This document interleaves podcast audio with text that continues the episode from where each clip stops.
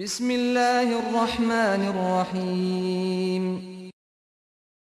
حميم. عين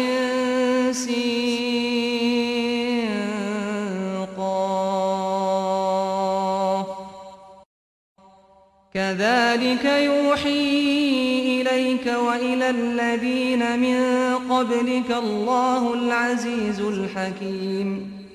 له ما في السماوات وما في الأرض وهو العلي العظيم. تكاد السماوات يتفطرن من فوقهن. والملائكة يسبحون بحمد ربهم ويستغفرون لمن في الأرض. ألا إن الله هو الغفور الرحيم. 奉至仁至慈的安拉之名，哈伊、mim、阿尼、西尼、嘎夫，万能的、至睿的安拉，这样启示你和你以前的众先知：天地万物都是他的，他却是至高无上的。却是至大的，诸天体几乎从上面破裂。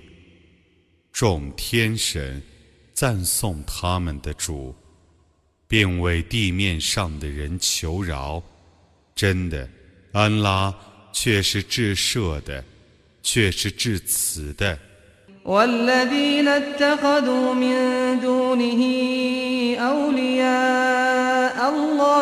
حفيظ عليهم وما أنت عليهم بوكيل 设安拉而择取保护者的人，安拉是监视他们的，你绝不是他们的监护者。 وكذلك أوحينا إليك قرآنا عربيا لتنذر أم القرى ومن حولها وتنذر يوم الجمع لا ريب فيه. فريق في الجنة وفريق في السعير. ولو شاء الله لجعلهم أمة واحدة ولكن يدخل من يشاء في رحمته والظالمون ما لهم من ولي ولا نصير 我这样启示你一本阿拉伯文的古兰经，以便你警告手艺。 及其四周的居民，以便你预告毫无疑义的集合日。一部分人将在乐园中，一部分人将在烈火中。假若安拉抑郁，他必使他们信奉同一宗教，但他使他所抑郁者。入于他的恩惠中，不义的人们绝无保护者，也无援助者。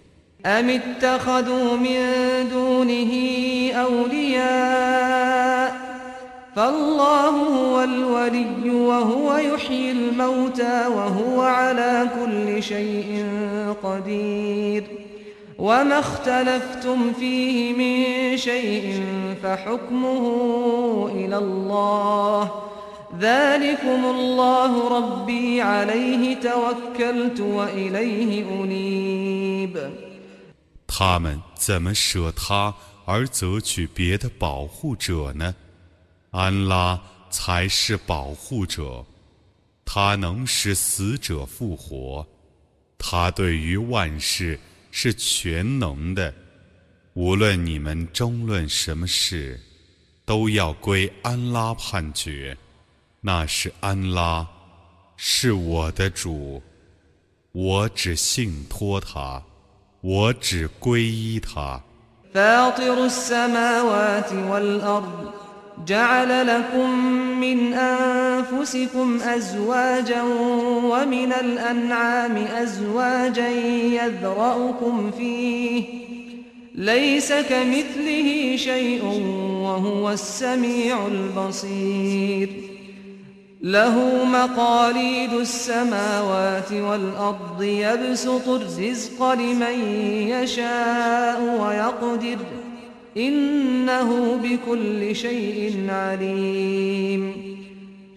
他是天地的创造者，他以你们的同类为你们的妻子，使你们的牲畜同类相配，他借此使你们繁殖。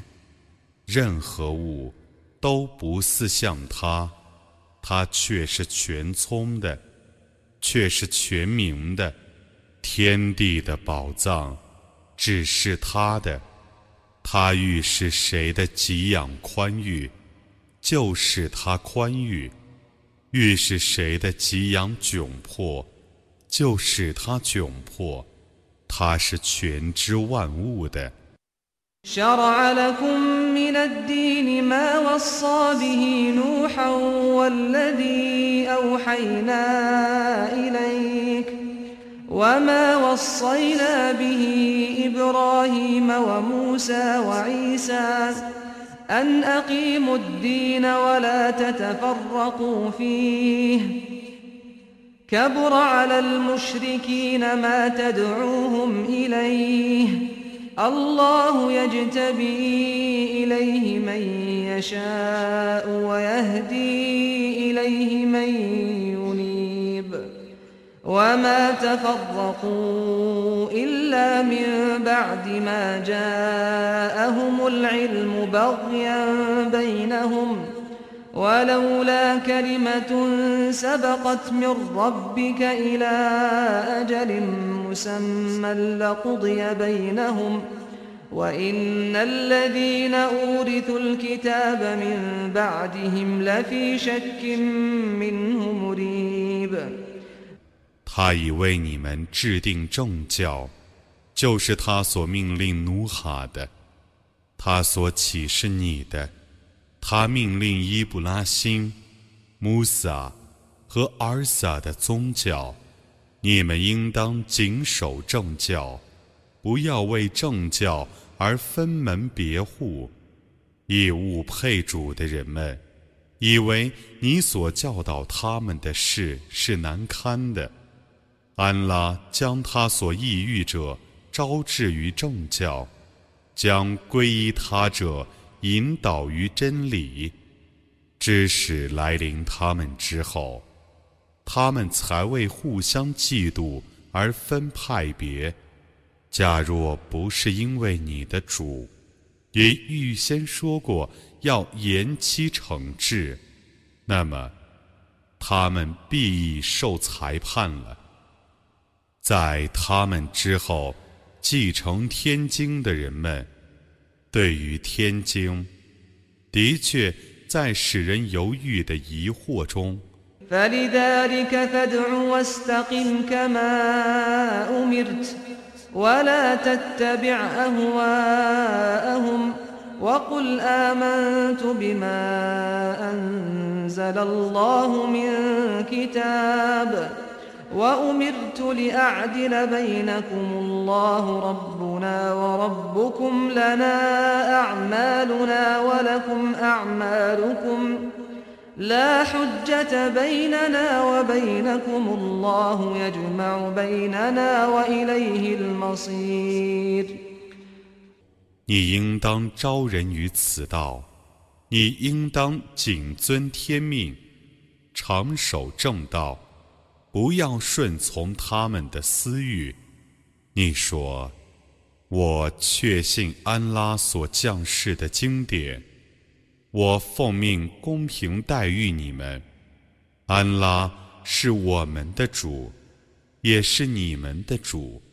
我们有我们的工作，你们有你们的工作。我们不必和你们辩驳。”安拉将集合我们，他是唯一的归宿。 والذين يحاجون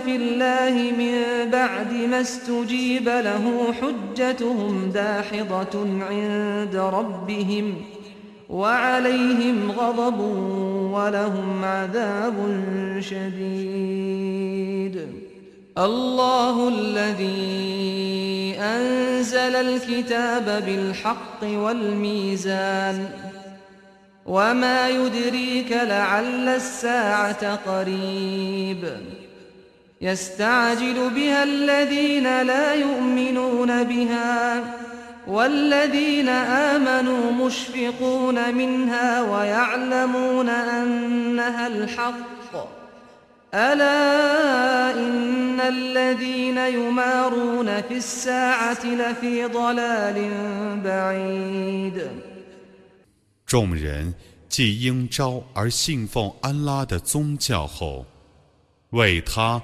而辩驳者，据他们的主看来，他们的证据是无效的，他们应当遭谴怒，并受严刑。 安拉降世包含真理的经典，并降世公平。你怎么能知道呢？复活时或许是临近的。不信复活时的人们要求他早日实现，而确信他的人们却怕他早日实现，并且知道他是真实的。真的，为复活时而争辩的人们，的确在不近情理的迷雾之中。الله لطيف بعباده يرزق من يشاء وهو القوي العزيز من كان يريد حرث الآخرة نزد له في حرثه ومن كان يريد حرث الدنيا نؤته منها وما له في الآخرة من نصيب 安拉是慈爱他的众仆的，他供给他所意欲供给的人，他却是至刚的，却是万能的。谁欲得后世的收获？ 我就加增谁的收获，谁欲得今世的收获，我就给谁一点今世的收获。他在后世没有份儿。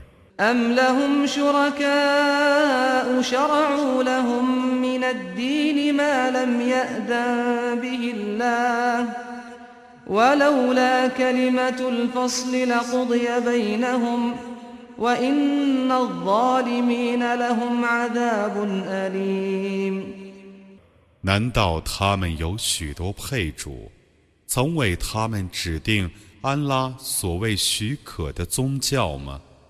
假若没有那判词，他们必受判决。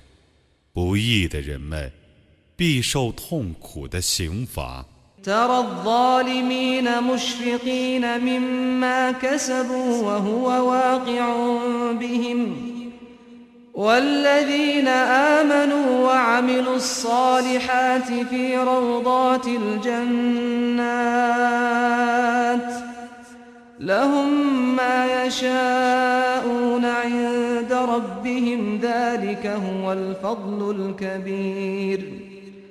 你将来要看见不义的人们，为他们所犯的罪恶而恐惧，那些罪恶的惩罚必定来临他们。信教而且行善的人们，将来要居住在乐园的圣地中，在他们的主那里，他们得享受他们所欲享受的，那却是洪恩。ذلك الذي يبشر الله عباده الذين آمنوا وعملوا الصالحات. قل لا أسألكم عليه أجرا إلا المودة في القربى. ومن يقترف حسنة نزد له فيها حسنا. إن الله غفور شكور. 那是安拉用来向他那些信教而且行善的仆人们报喜的。你说，我不为传达使命而向你们索取报酬，但求为同族而亲爱。谁行一件善事，我要加倍地报酬谁。安拉却是至赦的。却是善报的。أم يقولون افترى على الله كذبا فإن يشاء الله يختم على قلبك ويمحو الله الباطل ويحق الحق بكلماته إنه عليم بذات الصدور وهو الذي يقبل التوبة عن عباده ويعفو عن السيئات ويعلم ما تفعلون ويستجيب الذين آمنوا وعملوا الصالحات ويزيدهم من فضله والكافرون لهم عذاب شديد 不然，他们说。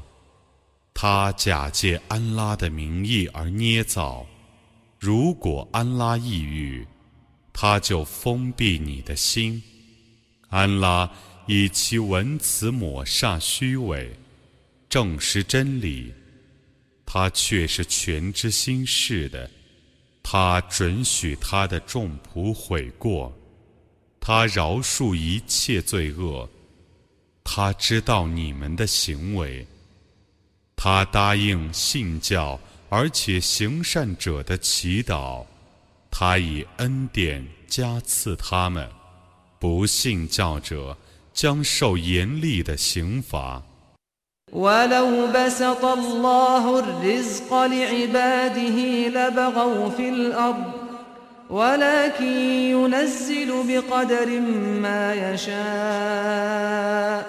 إنه بعباده خبير بصير. وهو الذي ينزل الغيث من بعد ما قنطوا وينشر رحمته. وهو الولي الحميد. ومن آياته خلق السماوات والأرض وما بث فيهما من دابة.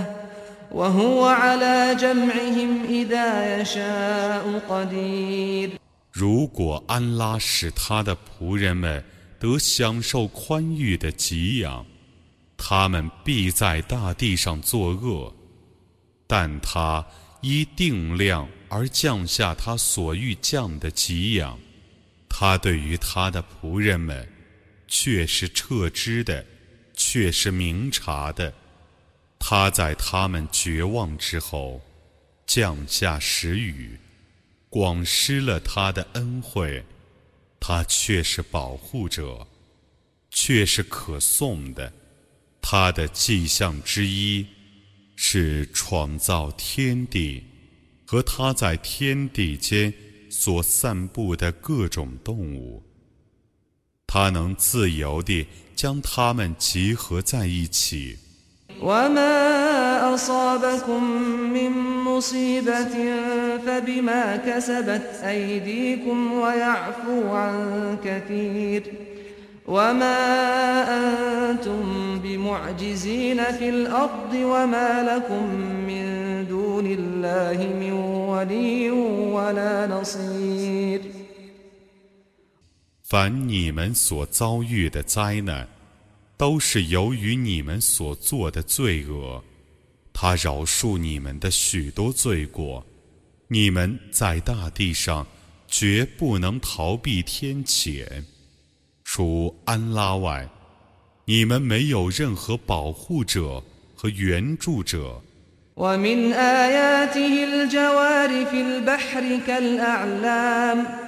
إن يشأ يسكن الريح فيظللن رواكد على ظهره. إن في ذلك لآيات لكل صبار شكور.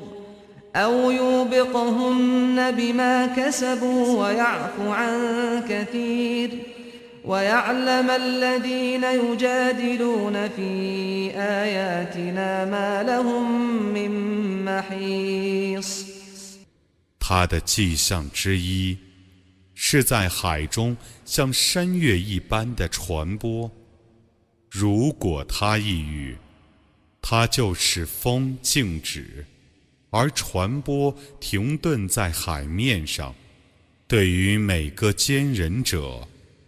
感谢者，其中确有许多迹象。他或因他们所做的罪恶。而使那些传播沉默，他饶恕许多人的罪过，为我的迹象而争论的人们，知道他们自己绝无处陶醉。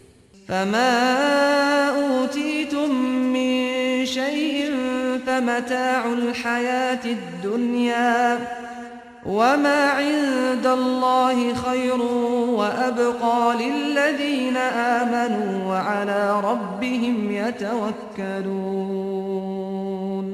والذين يجتنبون كبائر الإثم والفواحش وإذا ما غضبوا هم يغفرون. والذين استجابوا لربهم وأقاموا الصلاة وأمرهم شورى بينهم ومما رزقناهم ينفقون والذين إذا أصابهم البغي هم ينتصرون 凡你们所受赐的，无论什么。 都是今世生活的享受，在安拉那里的报酬是更优美的，是更长久的。那是归于信教而只信托安拉者，也归于远离大罪和丑事，且在发怒时能摄佑者，也归于应答主的号召。且谨守拜功者，他们的事物是由协商而决定的。他们分舍我所赐予他们的，也归于能反抗自己所遭遇的侵害者。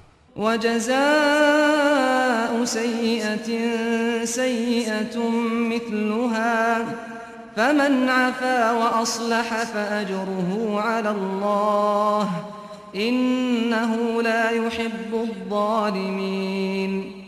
ولمن انتصر بعد ظلمه فأولئك ما عليهم من سبيل. إنما السبيل على الذين يظلمون الناس ويبغون في الأرض بغير الحق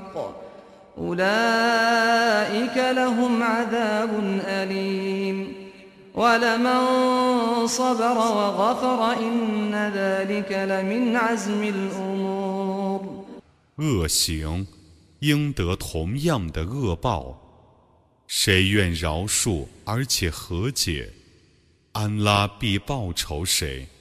安拉却是不喜爱不义者的。受人欺毁而进行报复的人们，是无可责备的；应受责备的，是欺侮他人，并且在地方上蛮横无理者。这些人将受痛苦的刑罚。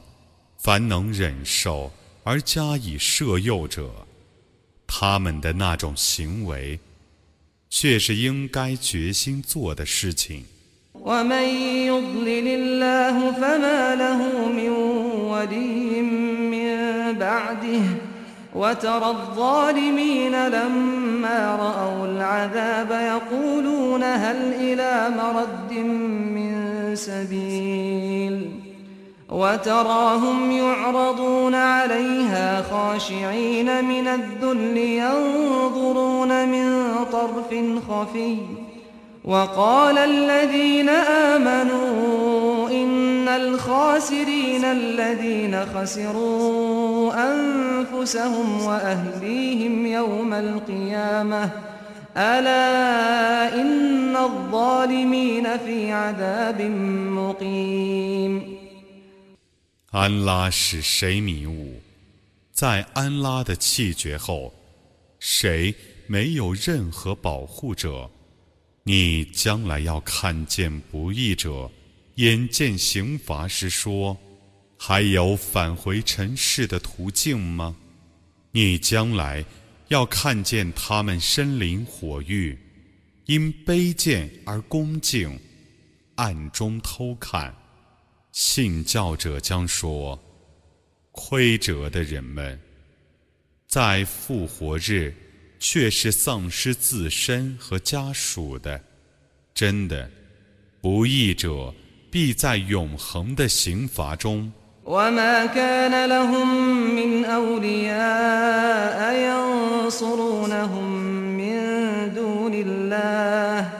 ومن يضلل الله فما له من سبيل 除安拉外，他们将没有任何朋友援助他们。安拉使谁迷雾，谁就没有道路。استجيبوا لربكم من قبل أن يأتي يوم لا مرد له من الله ما لكم من ملجأ يومئذ وما لكم من نكير 在不可抗拒之日，从安拉降临以前，你们应当答应你们的主。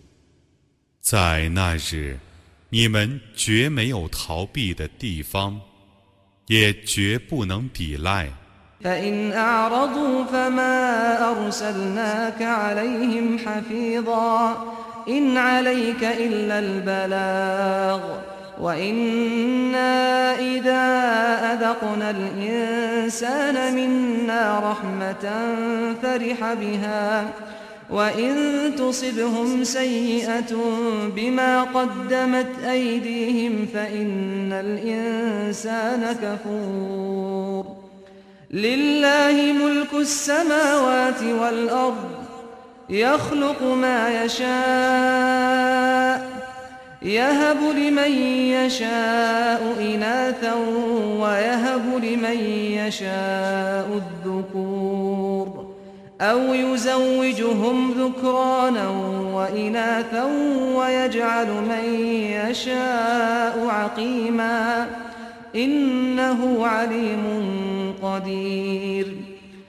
如果他们退避，那么我没有派你做他们的监护者，你只负通知的责任。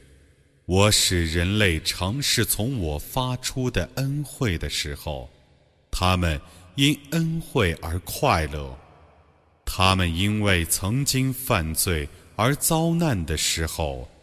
人类却是孤恩的，天地的主权归安拉所有，他欲创造什么就创造什么，欲给谁女孩就给谁女孩，欲给谁男孩就给谁男孩，或是他们兼生男孩和女孩，他使他所抑郁者。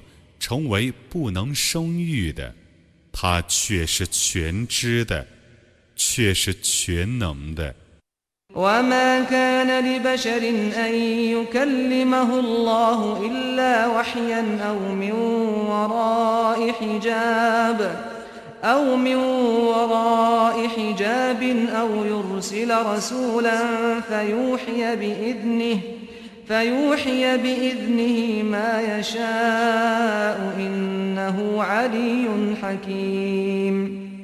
任何人也不配与安拉对话，除非启示，或从帷幕的后面，或派一个使者，奉他的命令而启示他所欲启示的，他却是至高无上的，却是至睿的。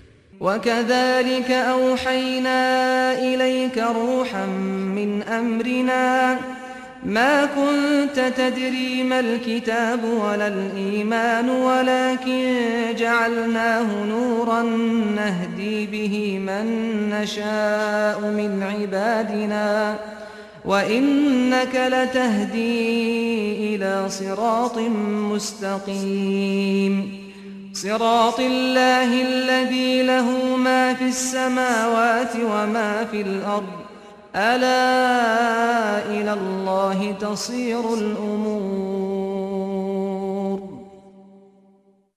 我这样启示你，从我的命令中发出的精神。你本来不知道天经是什么，正信是什么，但我 以天经为光明，而借此光明引导我所欲引导的仆人。你却是只是正路者，那是安拉的路，天地万物都是他的，真的，万事只归安拉。